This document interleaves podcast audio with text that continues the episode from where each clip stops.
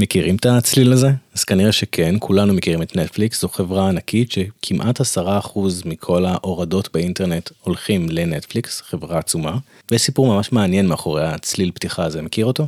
לא, האמת שלא. אז שמע, הם עבדו על זה כמעט שנה, בעצם ה-VP product בנטפליקס הבין שצריך צליל פתיחה טוב לפני התכנים המקוריים שלהם. בתוך ההגדרות שהוא הביא למעצב סאונד, מעצב סאונד ענק, זוכה בפרסים, הוא אמר לו שזה צריך להיות משהו שמרגיש כמו קצת לפני פתיחה של סרט קולנוע, שזה ירגיש משהו סביב תרבות, תוכן, הנאה, לא, שלא ירגיש כמו משהו טכנולוגי, נגיד לא כמו הסאונד של אפל או מייקרוסופט או תוכנות uh, טכנולוגיות. צריך להיות משהו שייתן תחושה של וואו, ציפייה, סקרנות, משהו שיכניס את הצופים. וזה צריך לקחת רק שלוש שניות. וואו, כמה אילוצים בבריף אחד. טירוף. אז uh, המעצב סאונד והסטודיו שלו לקחו את האתגר, באו עם המון המון אופציות שונות לאיך עושים את הפתיח הזה שהוא גם יהיה חדש וגם ירגיש כמו ברנד וגם יהיה מסקרן וגם ייתן תחושה של אנחנו עכשיו הולכים לצפות במשהו טוב וגם שזה יעבוד טוב עם כל סוגי התכנים, קומדיה, אימה, סדרות, סרטים, משהו שיעבוד לפני הכל. קצת כמו האריה השואג של MGM.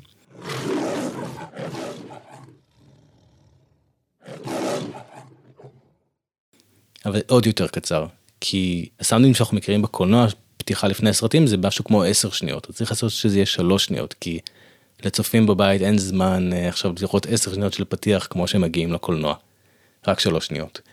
אז מעצב הסאונד, לון בנדר, אה, בא עם המון המון הצעות, שההצעה שכמעט הגיעה לגמר היה גם בצליל של עז, שואגת.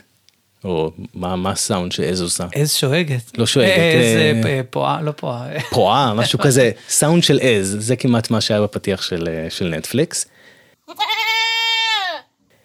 ושמעתי פודקאסט מאוד מעניין על איך יצרו את האינטרו, אז גם נשים לינק בנוטס, אז בעצם הסאונד הסופי זה מין... אה, הטבעת ניסויים שלו דופקת על השולחן ביחד עם גיטרה שהולכת אחורה ועוד כל מיני עיוותים מאוד מעניינים מבחינה מוזיקלית. בסוף הם הגיעו לזה, הוציאו את העז, העז לא הגיע okay. אוקיי. לגמר.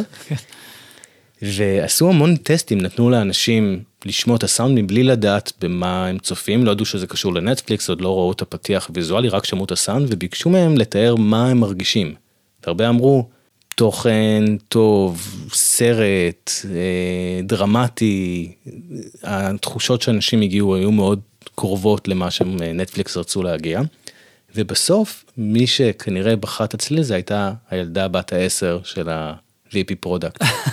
אוקיי. הוא נתן לה לשמוע כזה, נראה לי, קראתי בין אה, שתיים, שלוש אופציות נבחרות, ואז היא אמרה לו, זה בטוח, זה, זה נשמע הכי טוב, וזה מה שאנחנו מכירים. וזה מחזיק כבר uh, כמה שנים, הם לא, והם לא נוגעים בסאונד. הם כן נוגעים ב... ב... הם כן נוגעים בצורה הוויזואלית, בעצם באנימציה של הלוגו, כי הם אומרים שזה קצת טרנדי ומשתנה כל הזמן, אבל סאונד צריך להיות על זמני. הם עכשיו שנים לא ייגעו בזה. מאוד מעניין. עוד משהו מעניין, שמקרינים תכנים של נטפליקס גם בקולנוע, הם עושים גם סרטים.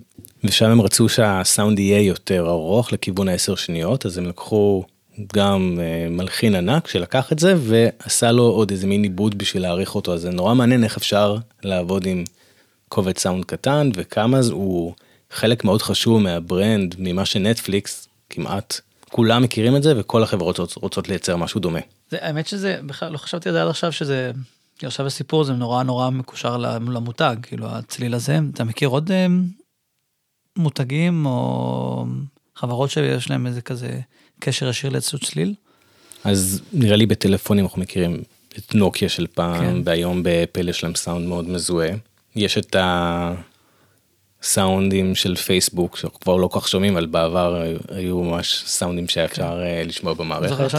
אחרי שאני שאלתי, אני זוכר של-ICQ היה את ה... ICQ לגמרי. כל ה... קראתי שאני חושב לפני שנה שיוטיוב גם ייצרו סאונד כזה לפני התכנים שלהם, אה, גם כן מאוד בהשראת נטפליקס. נשים בנוטס כתבה מאוד מעניינת על איך הם יצרו את הסאונד, איך כזה מפצלים אותו לכל הלבלים שלו ומה כל דבר מייצג. ממש הסאונד של נטפליקס מייצג משהו דרמטי, התחלה, סרט, כל כך הרבה מונחים ודברים שהם רוצים להשיג בשלוש שניות. טוב, מדהים, אנחנו אה, עם פתיחה כזאת, אז כבר ברור למה אנחנו מדברים, אבל אולי בכל זאת נחבר את המאזינים ומאזינות, אז, אה, אז אתם כנראה כבר מבינים אה, שאנחנו נדבר על נטפליקס הפרק הזה, וזה בעצם המשך ישיר לפינה חדשה שהשקנו לפני כמה שבועות, ששם דיברנו על ספוטיפיי, ובפרק ההוא ריפרנו הרבה לנטפליקס, אז הגיע, הגיע תורה. רק מילה למי שלא מכיר את הפינה החדשה שלנו, אז אנחנו בעצם בכל פעם לוקחים חברה אחרת, יכולה להיות טכנולוגית, אבל לא רק. אה, ולוקחים, מנסים להבין, עושים איזשהו reverse engineering כדי להבין מהם העקרונות ההתנהגותיים שבבסיס ההצלחה של אותו ארגון. אה, זה יכול להיות קשור לפיצ'רים, יכול להיות קשור למודל התמחור, יכול להיות קשור למודל העסקי, יכול להיות קשור לקמפיינים שיווקים.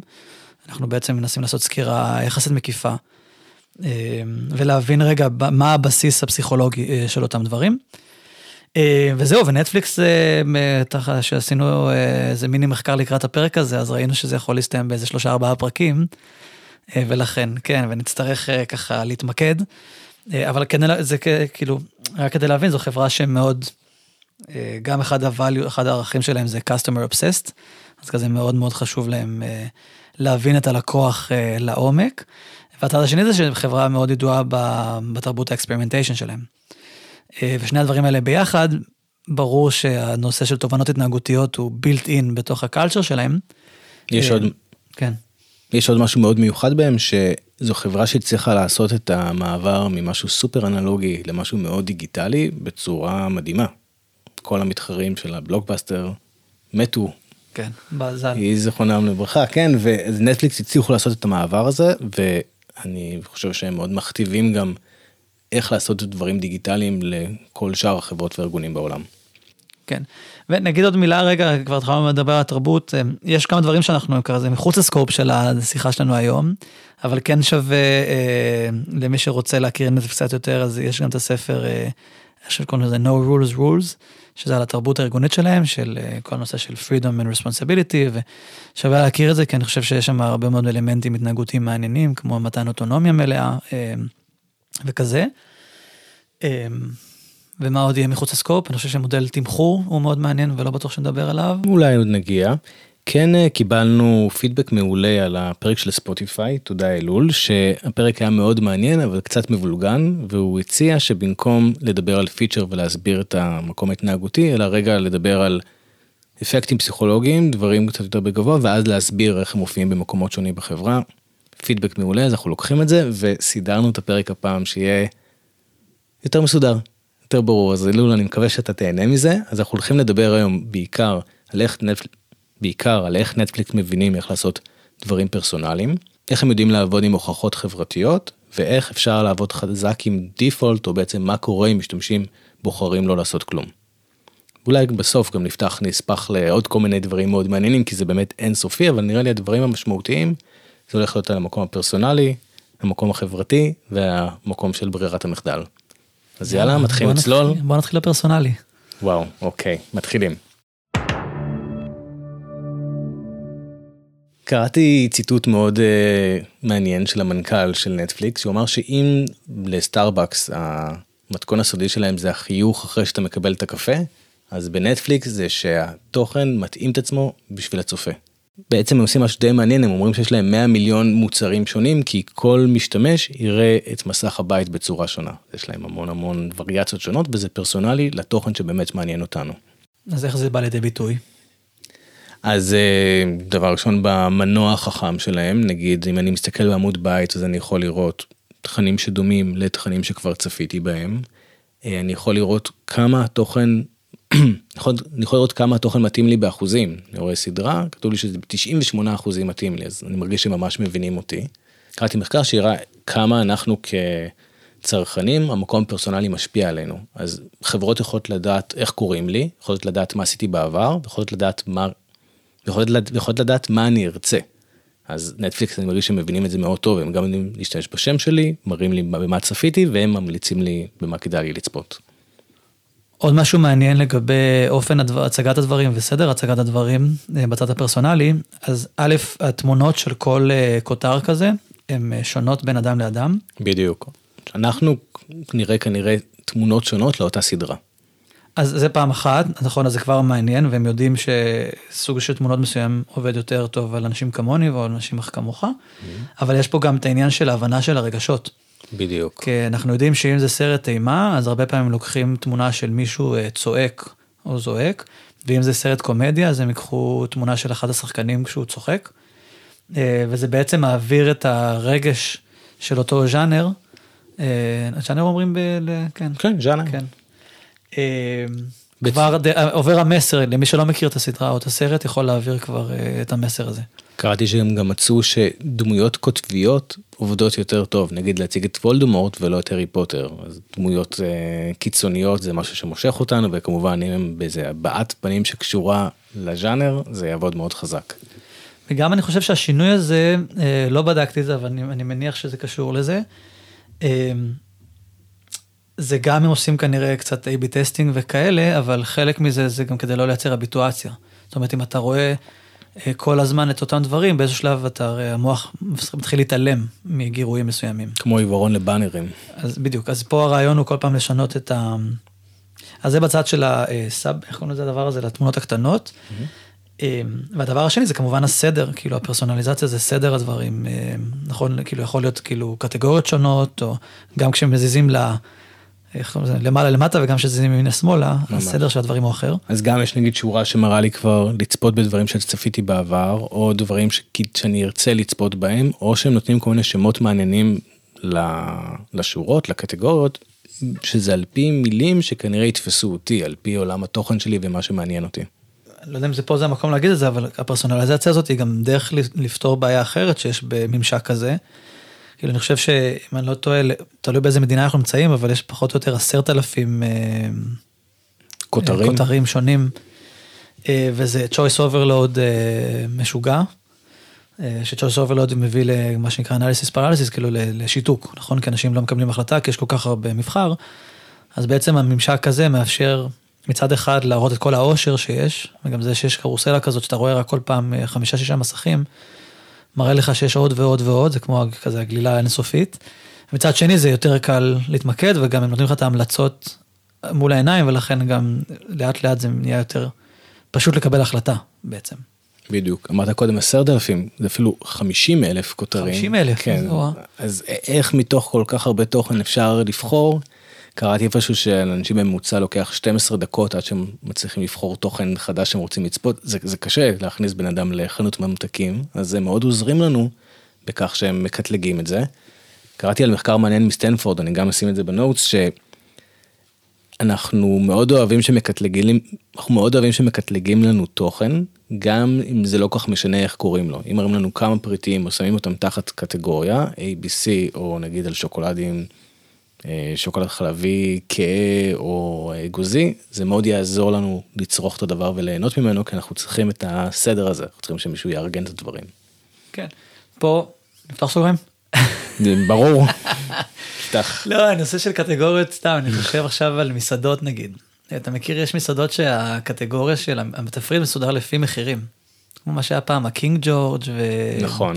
נכון, זה או כאילו- במסעדות המאוד זולות או במאוד אולי יקרות. אז זהו, יקרות אני לא יודע, אבל אני מדבר על הזולות, אבל זה כאילו, האופן שבו אתה מסדר את הדברים הוא גם מעניין, זאת אומרת, זה, זה להבין כל מיני מודלים מנטליים של אנשים, ואז לפי זה, אז זה לא תמיד, ה- אפשר לעשות את זה בצורה שאני מניח שרוב המסעדות עושות זה בשר, דגים, צמחוני, אה, כזה, אבל... או ראשונה עיקרית קינוח, או זה כזה, הקלאסי. ואפשר לעשות את זה לפי מספרים, ואפשר לעשות אה, לפי צבעים, אפשר לעשות, זאת אומרת, אפשר לעשות כל מיני מודלים. ראיתי פעם מסעדה אסיאתית שקטלגו את האוכל לפי סוג ההכנה. יש נגיד, זה- יש משהו שזה מטוגן, יש משהו שזה סטים, ויש משהו שזה משהו אחר. זה גם, יש באמת מלא דרכים לקטלג את התוכן.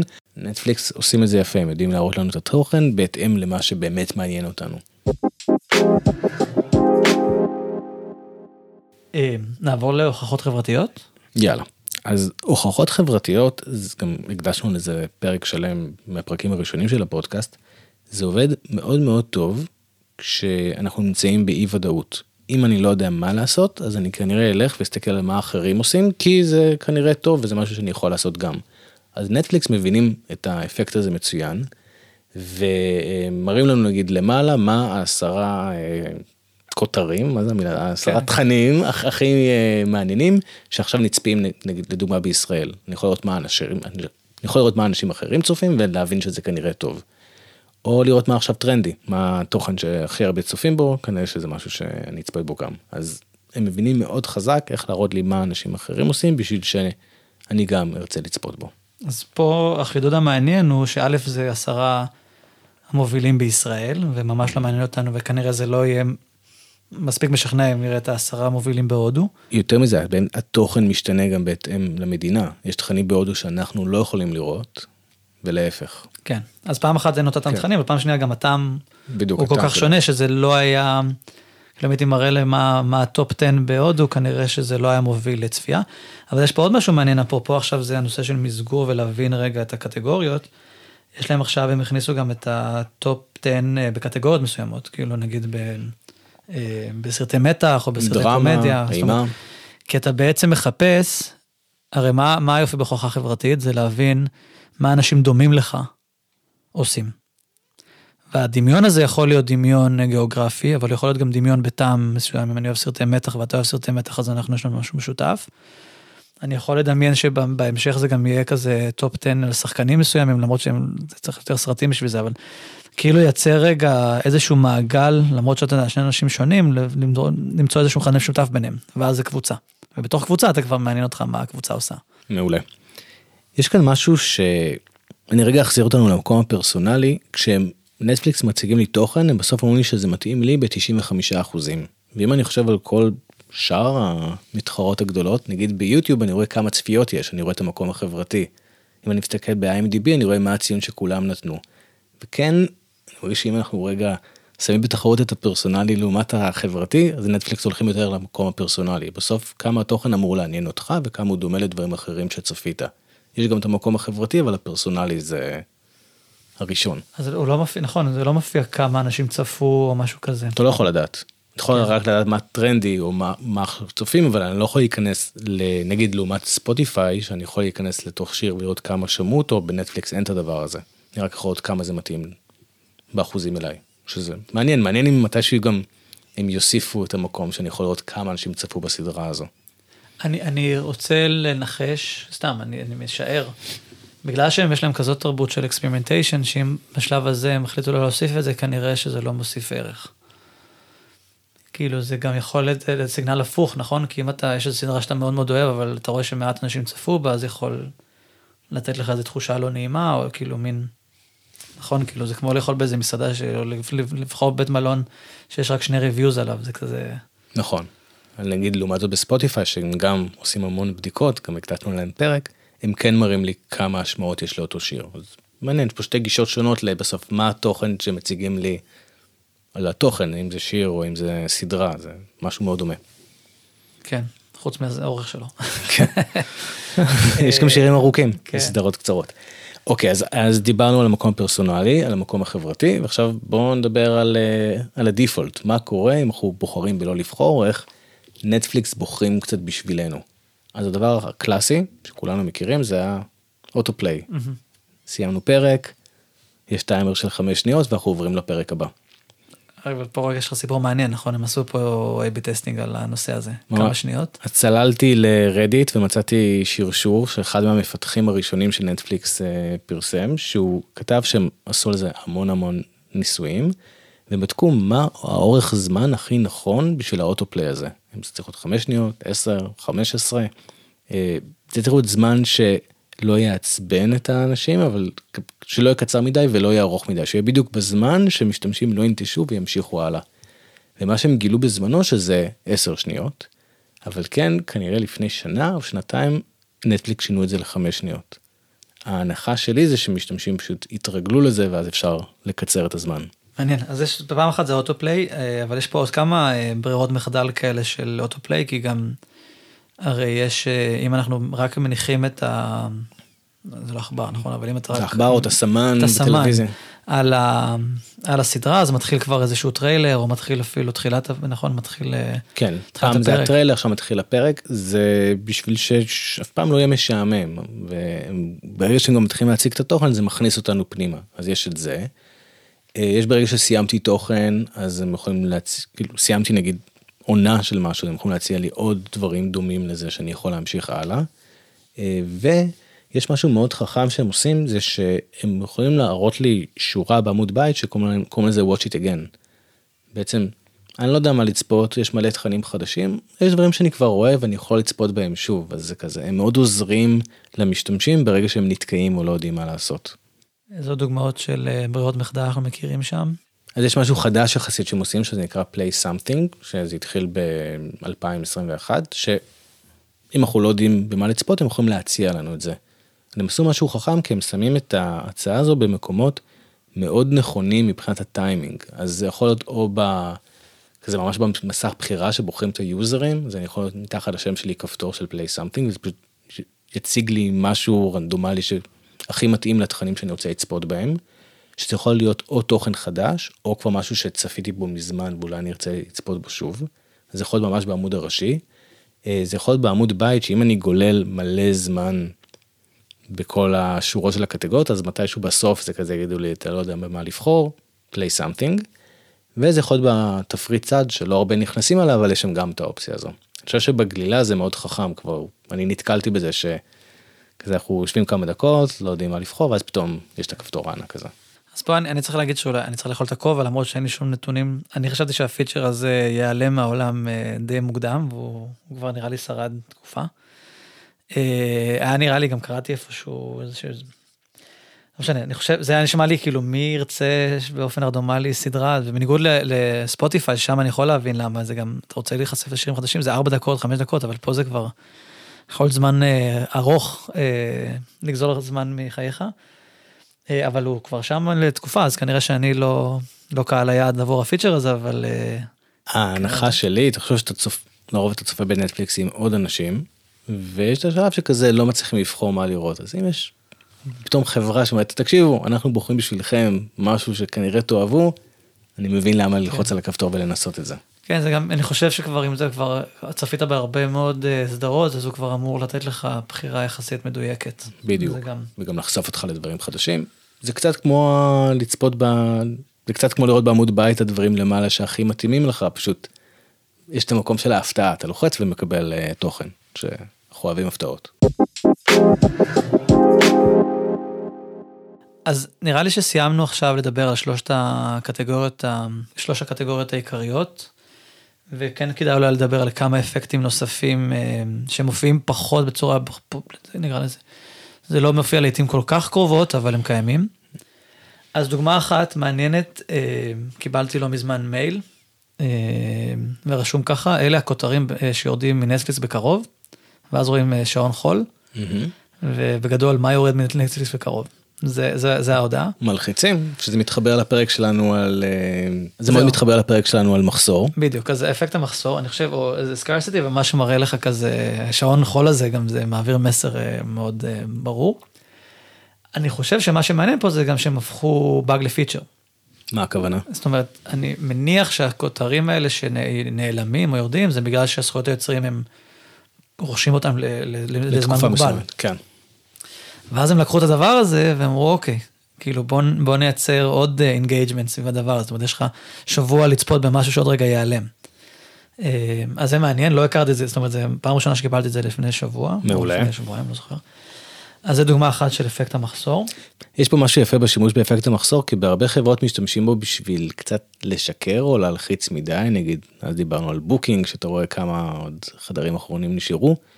פה זה תוכן אמיתי, באמת התכנים, התכנים הולכים להיעלם, זה קצת מלחיץ אבל זה בעיקר בא לתת לך עוד הזדמנות לצפות בהם אז אני חושב שיש פה שימוש מאוד יפה באפקט הזה. אוקיי מה עוד? מה שנקרא אפקט נטפליקס.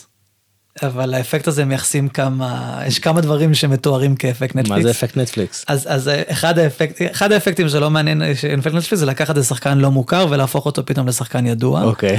אבל יותר מעניין זה בעצם איך סרטים בנטפליקס או סדרות משפיעות על, אה, משפיעות על, על, על, על, על, על הצרכנות שלנו, על או התרבות. על העמדות שלנו, על, ה, על הבחירות שלנו, על הנורמות שלנו. כמו מה? אז הדוגמה הכי קלאסית זה גם בית המלכה, mm-hmm. שסביב ההשקה של הסדרה ראו עלייה אה, משמעותית בחיפושים בגוגל. אה, של שחמט. של שחמט, וגם הרשמה ל-chess.com, וגם אה, קניית אה, לוחות שחמט בעולם. פתאום שחמט נהיה דבר סקסי. כן, בדיוק.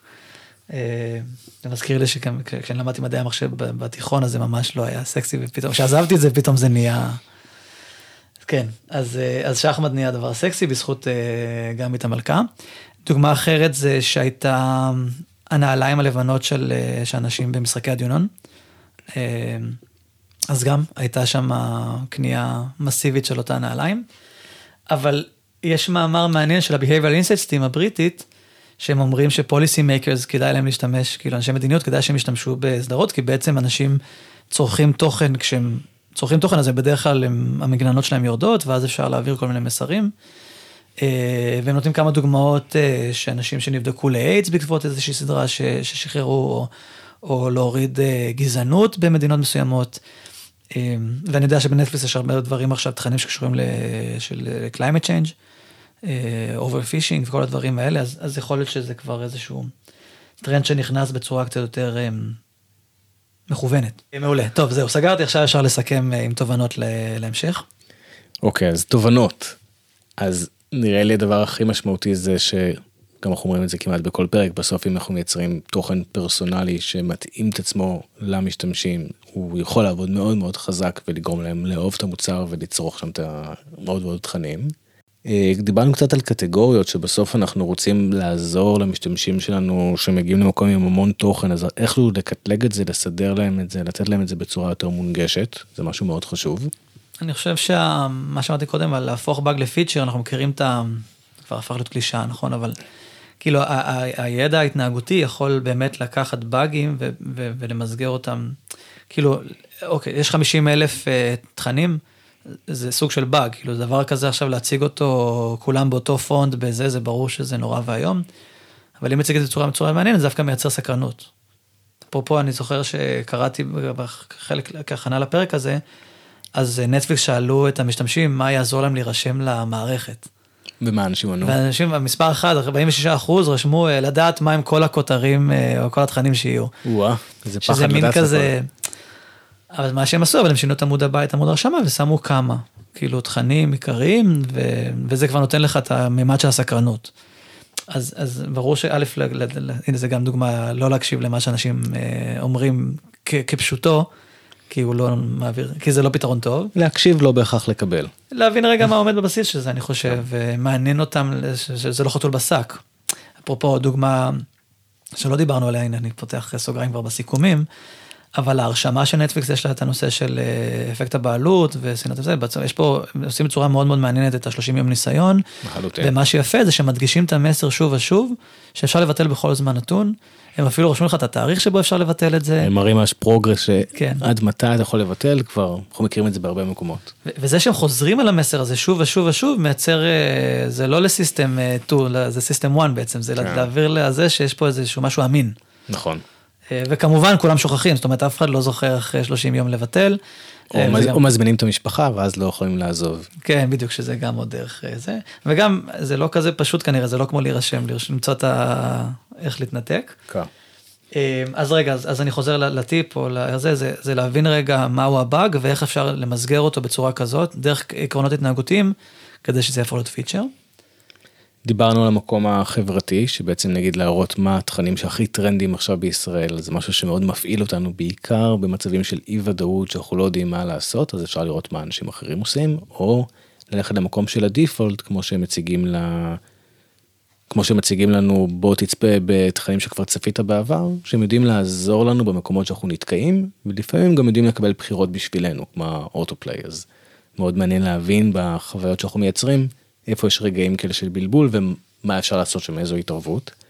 וה- והדבר הכי משמעותי שאני לוקח מנט הדבר הכי משמעותי שאני לוקח מנטפליקס זה חוץ מלא להוסיף צליל של עז לפתיח זה שכדאי לעשות המון המון ניסויים הם בודקים כל דבר על כל feature קטנטן במערכת שלהם והם רק אה, מחדשים כל הזמן. כן. אז, אז אני אגיד שני דברים אחרונים, א', אני אתייחס למה שאמרת עכשיו, זה שהם בודקים כל הזמן, אבל ה-AB testing שלהם, אני חושב, זה לא רק bottom-up כזה, בואו נבדוק שני דברים, זאת אומרת, הוא מונחה דרך תיאוריה, וכאילו, אני בטוח שיש שם אנשים שמבינים לעומק את הנושא של תובנות התנהגותיות, ואז הם בודקים דרך הפריזמות של העקרונות שאנחנו מדברים עליהם פה, דרך הוכחות חברתיות ודיפולט, אז בסדר, אז איזה דיפולט ומתי, אבל הם לא ממציאים את הגלגל במובן הזה. אמ, הדבר השני שלא הדגשנו מספיק בפרק הזה, אני חושב שקצת דיברנו עליו בספוטיפיי, אבל אנחנו לא מספיק מדברים עליו בכלל, זה שזה הכל מתחבר לביזנס. בעצם ל-KPI של החברה. בדיוק, זאת אומרת, יש להם איזושהי מטרות, שמתוך המטרות האלה נגזרות, אה, נגזרים אה, KPIs, או שה-KPIs לא נגזרים, לא משנה, אבל בעצם בסוף מה שחשוב להם זה, זה השורה התחתונה, או, או שהיא קשורה ל engagement ולכמות churn ונטישה של לקוחות וכולי. ו, וצריך להבין שכל ההחלטות, ש, או כל הדברים האלה משרתים בסוף כנראה כמה KPIs עיקריים, זאת אומרת, א', ראיתי שזה השתנה לאורך השנים, אבל בסוף חשוב להם שאנשים יצפו באיזשהו, יש איזשהו סף מסוים, אני חושב, שמתחתיו אנשים כנראה יחליטו לנטוש, שאלה אם כן יש להם את האחים שלהם שצופים בזה, ואז אין דרך לנטוש, אבל כאילו, אני חושב שפעם אחת הם צריכים לוודא ש... נכון, למה מכניסים כל הזמן תכנים חדשים וכזה? כי בסוף אנשים ינטשו.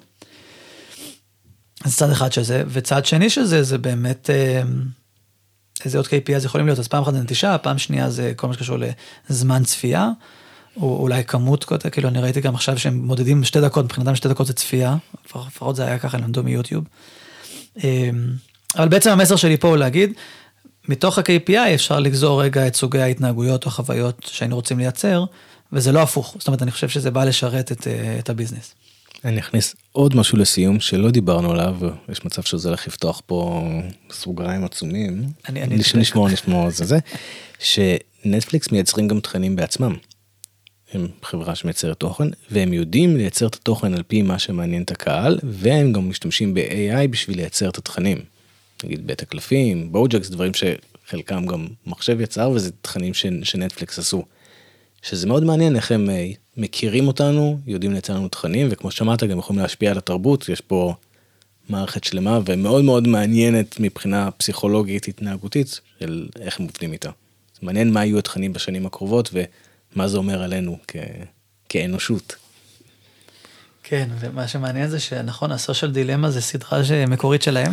ממש. אז זה בכלל, אה, היקום קורס תוך עצמו. נסיים אה, כאן. תודה רבה על ההאזנה, תודה שהגעתם עד לכאן. מאוד נשמח לשיתופים, לפידבקים, ושתכתבו לנו מה אהבתם, איזה תכנים עובדים, מה עובד פחות טוב, כי אנחנו גם עושים הרבה טסטים וניסויים בפודקאסט הזה, ונשמח להשתפר. תודה רבה תום, תודה רבה למאזינים ולמאזינות. תודה רועי, תודה לכם, ונתראה בפרק הבא.